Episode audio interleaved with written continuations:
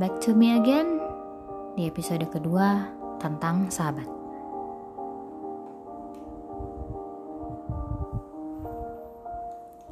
Karir dan pernikahan, dua hal yang paling mempengaruhi pertemanan.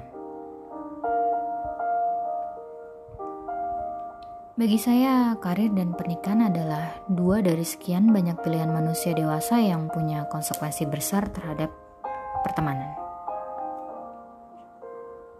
Tentu ini konotasinya nggak melalui negatif ya.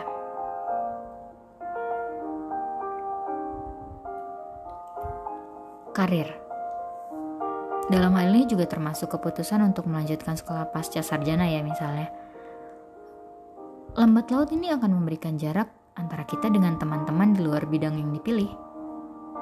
Bidang keilmuan atau kantor yang kita putuskan akan menyeleksi mereka-mereka yang bergerak di luar dari sana. Terlebih kalau memang sebelumnya nggak ada kedekatan personal dengan kita ya.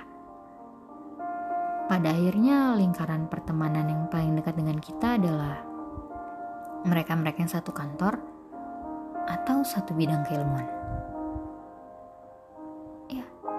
Tanpa sengaja, teman-teman itu pada akhirnya terseleksi.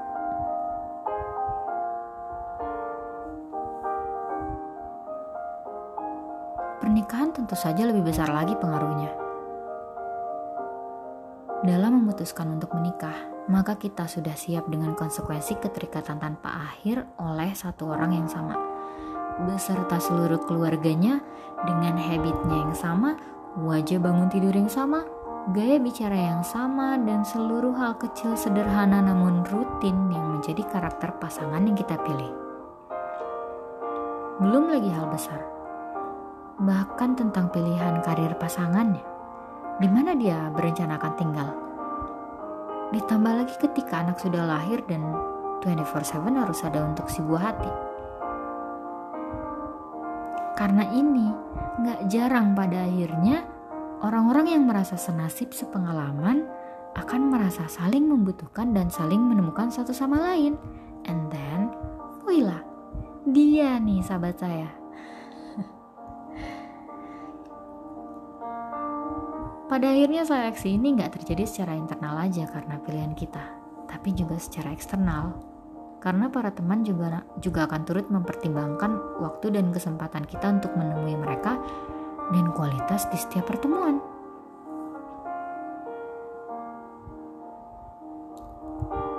Maukah untuk tetap bersahabat sekalipun ketika kita ketemu nih?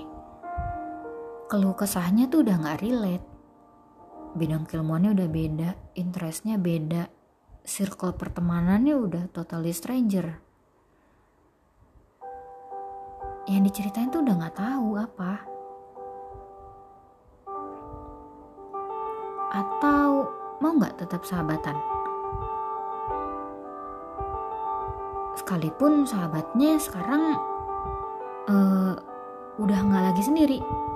Jadi persahabatan ini harus dibangun antar keluarga, bukan lagi persahabatan antara saya dan sahabat saya, tapi juga keluarga saya dengan keluarganya dia.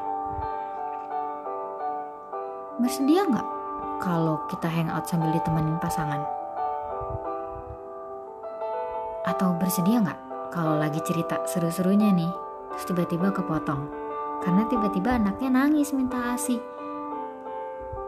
Jadi di sini ada satu momen memilih dan dipilih untuk tetap bersama dalam satu waktu yang sama.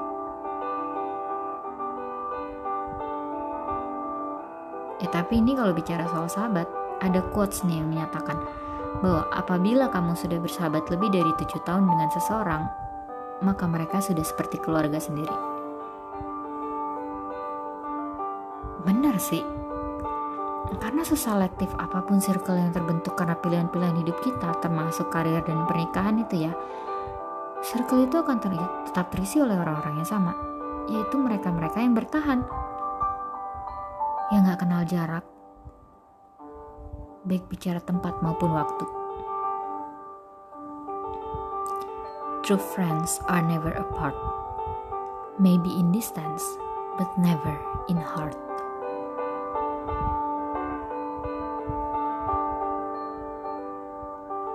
Dalam tiga dekade kehidupan saya, tentu saja coaching barusan itu bukan hal yang baru ya, karena sudah dialami. Dan banyak sekali manusia yang datang dan pergi, lalu alam menyeleksi mereka-mereka yang akhirnya tetap terjaga di hati, yang pada akhirnya mereka-mereka itulah yang saya mahkotai dengan tajuk sahabat.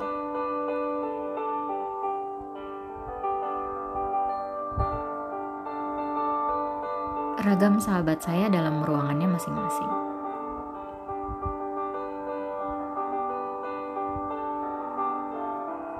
Dalam proses kehidupan, hukum dasar yang saya ketahui adalah soal interaksi. Menurut KBBI, interaksi. Noun. Hal saling melakukan aksi, berhubungan, mempengaruhi, antar hubungan Begitupun dengan persahabatan yang tentunya harus terjadi dua arah dan saling memengaruhi.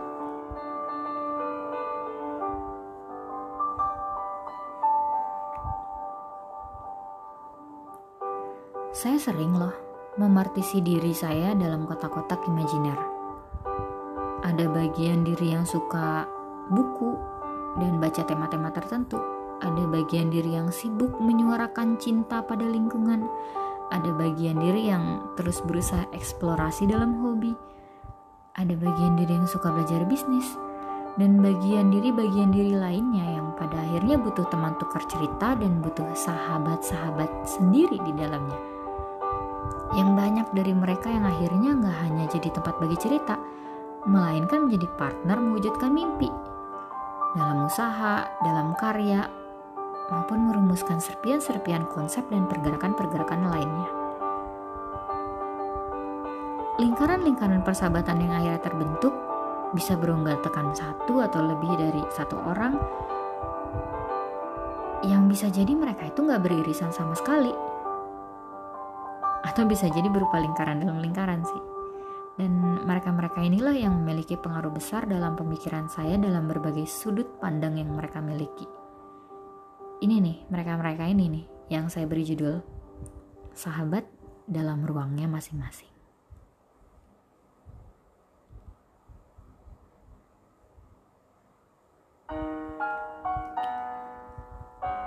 Proses saling menemukan dengan mereka-mereka dalam setiap ruang imajiner yang kami miliki punya ceritanya masing-masing. Saking spesialnya, saya ingat hampir detil kisah-kisah tentang mereka nggak ada banyak nama. Tapi setelah barusan dikumpulin dalam kepala jumlahnya lumayan banyak. Tapi ini tentu saja jauh jauh jauh lebih sedikit dibanding saya yang dulu yang waktu SMA pernah diberi predikat sebagai yang terbersahabat memiliki mereka yang bisa saya ajak atau mengajak saya berdiskusi secara random dan tiba-tiba nggak kenal waktu sedetik semalam siang dini hari cerita sehari-hari atau ya, hal yang paling rahasia yang hanya kami dan Allah yang tahu membuat saya benar-benar merasa bersyukur. Kenapa? karena saya merasa berguna. Bisa punya fungsi bagi manusia lain. Bahkan sesederhana berfungsi sebagai mata yang sedia membaca atau teman mengusir sepi kalau mereka merasa sendiri.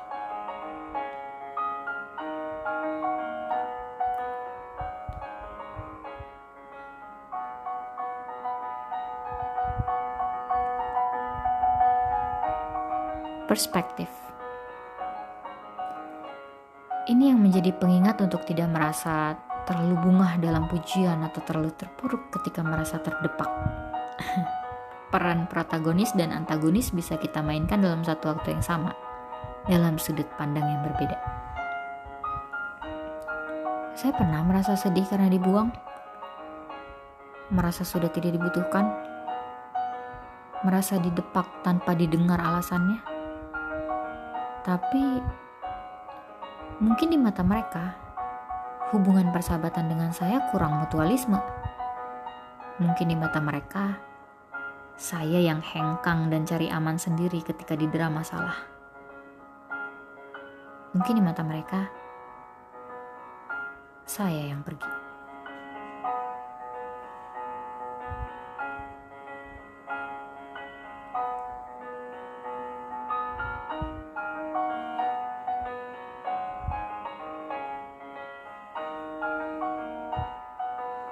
Beberapa dari mereka sama sekali nggak mau dengar gak mau tahu apa pun alasan yang saya utarakan.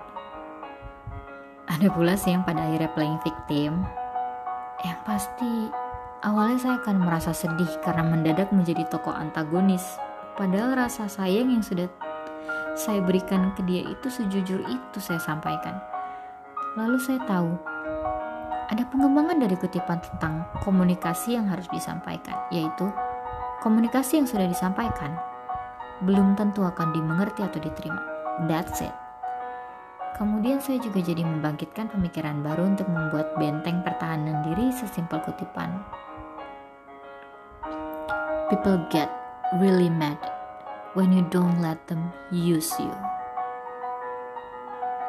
Gila, mungkin saya akhirnya didepak karena dia marah. Kenapa dia marah? Karena saya nggak bisa digunakan pada saat dia ingin menggunakan saya.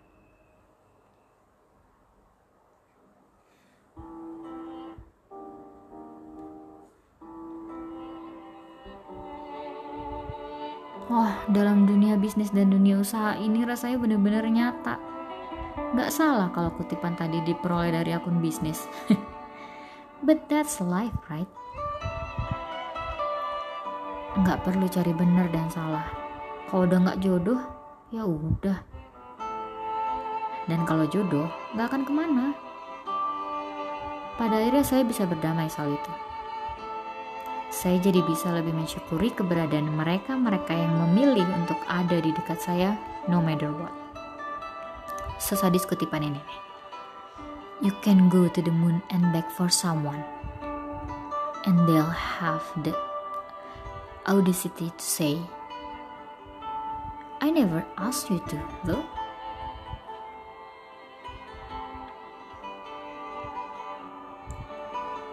Semua nilai pada akhirnya sangat bergantung pada sudut pandang. Salah dan benar nggak bisa dinilai sendiri.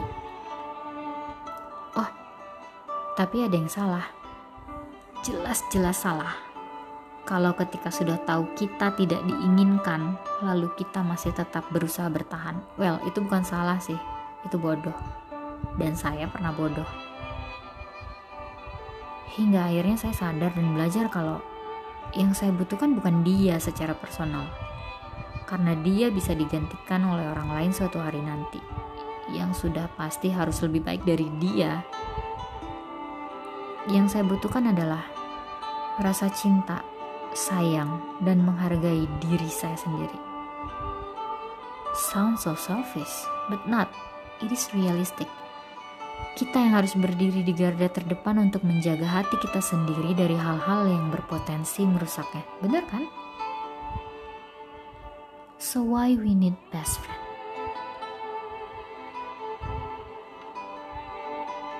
Saya mengutip dari yang ada di Google ya. Why we need best friend? Because they love at the same stupid things we do. Because they give us honest advice because they will be there for us even if they're thousands of miles away because they celebrate with us when we're at our best but still love us at our worst Intinya, semandiri apa pun kita, sebagai makhluk sosial, kita butuh berinteraksi. Bukan dengan sebanyak apa manusia yang kita ajak diskusi. Bisa aja cukup satu, dengan kualitas yang luar biasa.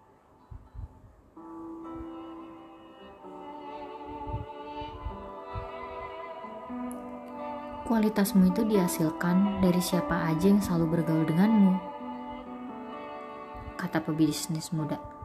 Dan ini alasan kita harus memilih siapa yang bergaul dengan kita secara bijak.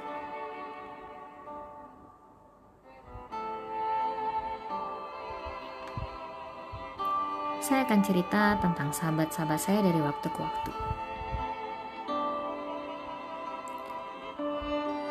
Saya teringat hampir semua sahabat saya yang terbentuk dalam setiap ruang dan rentang waktu. Ada mereka yang lebih tahu isi kulkas dan persediaan ransum ala kosan saya dibanding saya sendiri loh. Ada yang bisa masuk ke rumah dan tidur begitu saja di lantai dapur rumah orang tua saya. Ada mereka yang langsung masuk ke rumah dan bikin kopi atau teh sendiri. Ada yang udah tidur di tidur siang di kamar saya padahal saya belum pulang sekolah Ada yang menitipkan surat di bawah tudung saji untuk mama setelah ikut makan di rumah. Ada yang orang tuanya menganggap saya anak bungsunya. Ada orang, ada yang orang tuanya ingin saya jadi pacar anaknya. Cara mereka menghadapi saya yang ditempa masalah juga beda-beda. Ada mereka yang bersedia menjemput, sekadar mengajak saya berkeliling kota. Ada yang membuat saya lupa sedih dengan menemani saya bermain pingpong semalaman. Ada mereka yang menghadapi saya menangis gemetaran tidak dengan pertanyaan kamu kenapa ceritakan, melainkan dengan perintah super menenangkan seperti ambil wudhu dan sholat atau ngaji sampai tenang. Ada dia yang bersedia mengangkat telepon di dini hari hanya untuk didengar. Saya menangis karena kelinci saya mati. Ada yang bersedia membalas chat jam 2 sampai 3 dini hari dan langsung heboh tukar cerita sampai pagi. Ada dia yang menelpon dari atap masjid di, di malam tahun baru. Hanya karena ingin aja. Ada mereka-mereka yang selalu membuat saya bahagia dengan hal-hal yang sederhana. Setiap mendengar dan membaca karya-karya amatir sederhana yang sering saya buat, bahkan bersedia membeli, membeli buku yang saya terbitkan dan mengulas bahkan membagikan fotonya di akun sosmed mereka. Duh, lap air mata deh.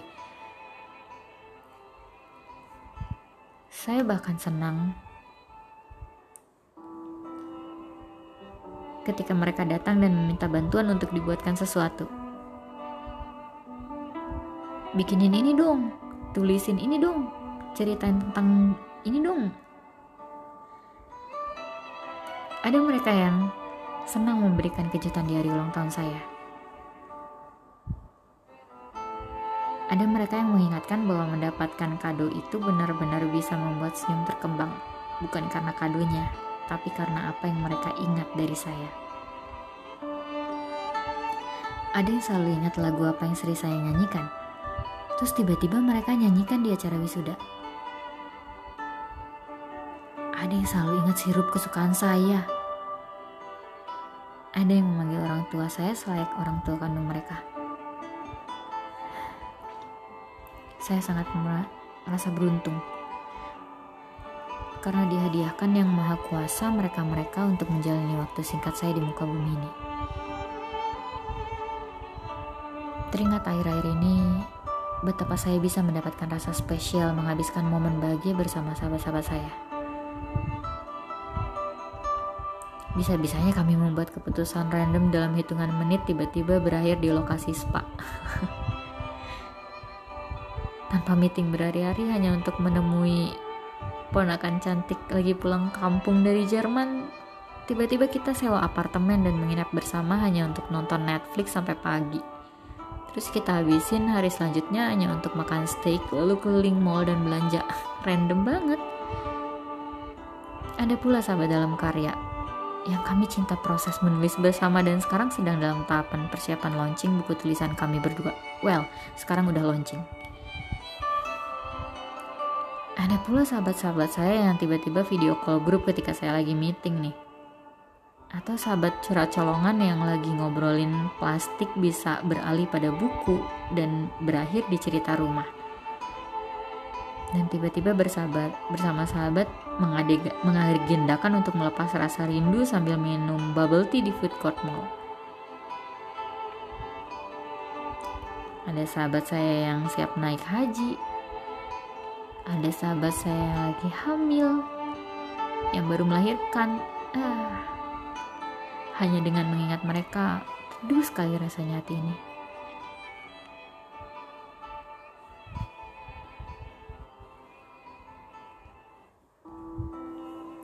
Sekali lagi, saya merasa beruntung ada mereka yang membuat hidup saya selalu warna-warni. Growing apart doesn't change the fact that for a long time we grew side by side. Our roots will always be tangled, and I'm glad for that. Ali Kondi. Terima kasih sekali lagi pada mereka-mereka yang bersedia bertahan dan menerima saya apa adanya. Mereka bersedia berkompromi pada setiap kejelekan yang saya miliki. Betapa saya sering menyebalkan, cerewet, mudi. Saya yang susah dihubungi. Saya nggak sempurna, bodoh, dan masih belajar dalam segala hal. Terima kasih karena kalian tetap bersedia membaca, mendengar curhat colongan saya tiba-tiba di room chat kalian yang kadang-kadang gak tepat waktunya. Terima kasih kalian tetap bersedia menemui saya setiap saya berkunjung dalam daerah edar kalian. I am really touched and appreciate your willingness to maintain me as one of your precious friends. Inshallah, I'm available for you even though sometimes like slow respond. And the most touching lines said by a best friend. When I die, don't come near my body. It is because my hand not be able to wipe your tears. That's when someone I Maaf kalau saya sering kacau. Terima kasih karena tetap ada. Saya bersyukur karena Allah mempertemukan saya dengan kalian semua. Semoga ini terjaga selamanya dan kita bisa bertemu hingga di akhirat nanti.